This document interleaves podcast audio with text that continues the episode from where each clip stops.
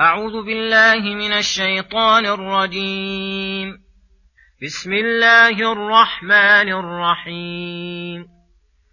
الحمد لله الذي أنزل على عبده الكتاب ولم يجعل له عوجا.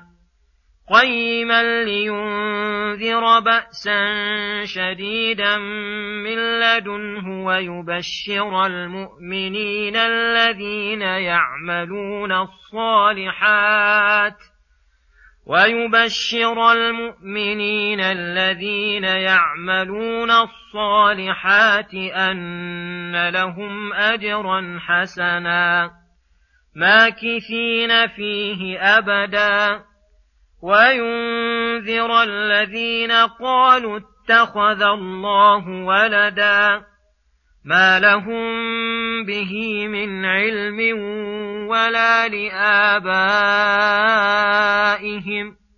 كبرت كلمة تخرج من أفواههم إن يقولون إلا كذبا فلعلك باخع نفسك على آثارهم إن لم يؤمنوا بهذا الحديث أسفا.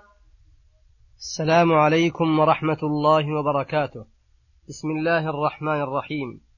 يقول الله سبحانه الحمد لله الذي أنزل على عبده الكتاب ولم يجعل له عوجا. الحمد هو الثناء عليه بصفاته التي هي كلها صفات كمال. وبنعمه الظاهرة والباطنة الدينية والدنيوية.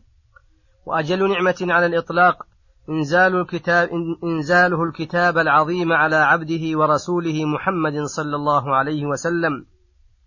فحمد نفسه وفي ضمنه إرشاد العباد ليحمدوه على إرسال الرسول إليهم وإنزال الكتاب عليهم. ثم وصف هذا الكتاب بوصفين مشتملين على أنه الكامل من جميع الوجوه. وهما نفي العوج عنه وإثبات أنه, مست... أنه مقيم مستقيم. فنفي العوج يقتضي أنه ليس في أخباره كذب ولا في أوامره ونواهيه ظلم ولا عبث. وإثبات الاستقامة يقتضي أنه لا يخبر ولا يأمر إلا بأجل الإخبارات وهي الأخبار التي تملأ القلوب معرفة وإيمانا وعقلا كالإخبار بأسماء الله وصفاته وأفعاله. ومنها الغيوب المتقدمة والمتأخرة وأن أوامره ونواهيه تزكي النفوس وتطهرها وتنميها وتكملها. اشتمالها على كمال العدل والقسط والإخلاص والعبودية لله رب العالمين وحده لا شريك له.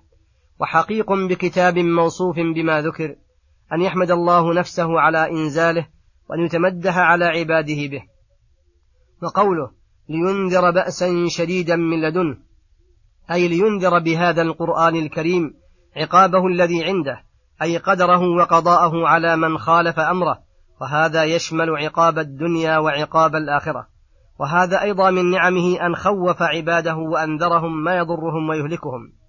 كما قال تعالى لما ذكر في هذا القرآن وصف النار قال ذلك يخوف الله به عباده يا عباد فاتقون فمن رحمته بعباده أن قيض العقوبات الغليظة على من خالف أمره وبينها لهم وبين لهم الأسباب الموصلة إليها ويبشر المؤمنين الذين يعملون الصالحات أن لهم أجرا حسنا.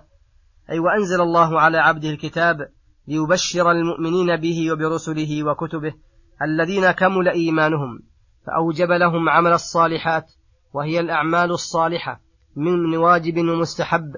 التي جمعت الإخلاص والمتابعة أن لهم أجرا حسنا وهو الثواب الذي رتبه الله على الإيمان والعمل الصالح. وأعظمه وأجله الفوز برضا الله ودخول الجنة التي فيها ما لا عين رأت ولا أذن سمعت ولا خطر على قلب بشر. وفي وصفه بالحسن دلالة على أنه لا مكدر فيه ولا منغص بوجه من الوجوه إذ لو وجد فيه شيء من ذلك لم يكن حسنه تاما. ومع ذلك فهذا الأجر الحسن ماكثين فيه أبدا لا يزول عنهم ولا يزولون عنه بل نعيمهم في كل وقت متزايد. وفي ذكر التبشير ما يقتضي ذكر الأعمال الموجبة للمبشر به وهو أن هذا القرآن قد اشتمل على كل عمل صالح موصل لما تستبشر به النفوس وتفرح به القلوب وتفرح به الأرواح. وينذر الذين قالوا اتخذ الله ولدا من اليهود والنصارى والمشركين الذين قالوا هذه المقالة الشنيعة فإنهم لم يقولوها عن علم ولا يقين لا علم منهم ولا علم من آبائهم الذين قلدوهم واتبعوهم. بل إن يتبعون إلا الظن وما تهوى الأنفس. كبرت كلمة تخرج من أفواههم أي عظمت شناعتها واشتدت عقوبتها. وأي شناعة أعظم من وصفه باتخاذ للولد الذي يقتضي نقصه ومشاركة غيره له في خصائص الربوبية والإلهية والكذب عليه. فمن أظلم ممن افترى على الله كذبا. ولهذا قال هنا إن يقولون إلا كذبا أي كذبا محضا ما فيه من الصدق شيء.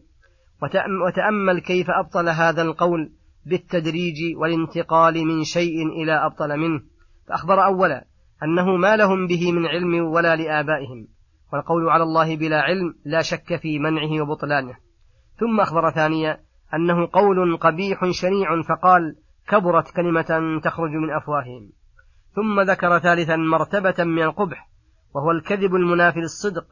ولما كان النبي صلى الله عليه وسلم حريصا على هداية الخلق ساعيا في ذلك أعظم السعي فكان صلى الله عليه وسلم يفرح ويفرح ويسر بهداية المتدين ويحزن ويأسف على المكذبين الضالين شفقة منه صلى الله عليه وسلم عليهم ورحمة بهم. أرشده الله ألا يشغل نفسه بالأسف مع هؤلاء الذين لا يؤمنون بهذا القرآن. كما قال في الأخرى كما قال في الأخرى فلعلك باخع نفسك ألا يكونوا مؤمنين. وقال فلا تذهب نفسك عليهم حسرات.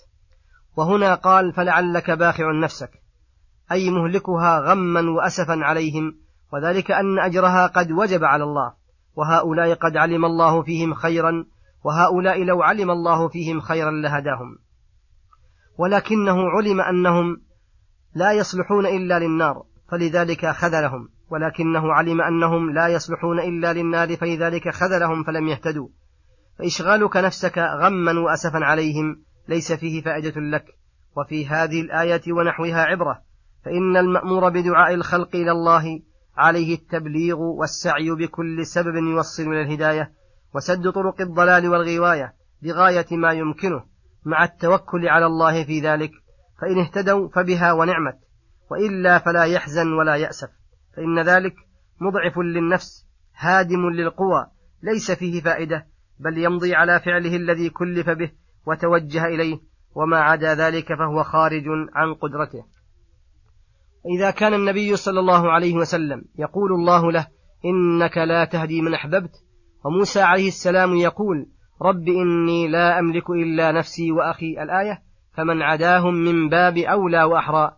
قال تعالى فذكر إنما أنت مذكر لست عليهم بمسيطر. وصلى الله وسلم على نبينا محمد وعلى آله وصحبه أجمعين.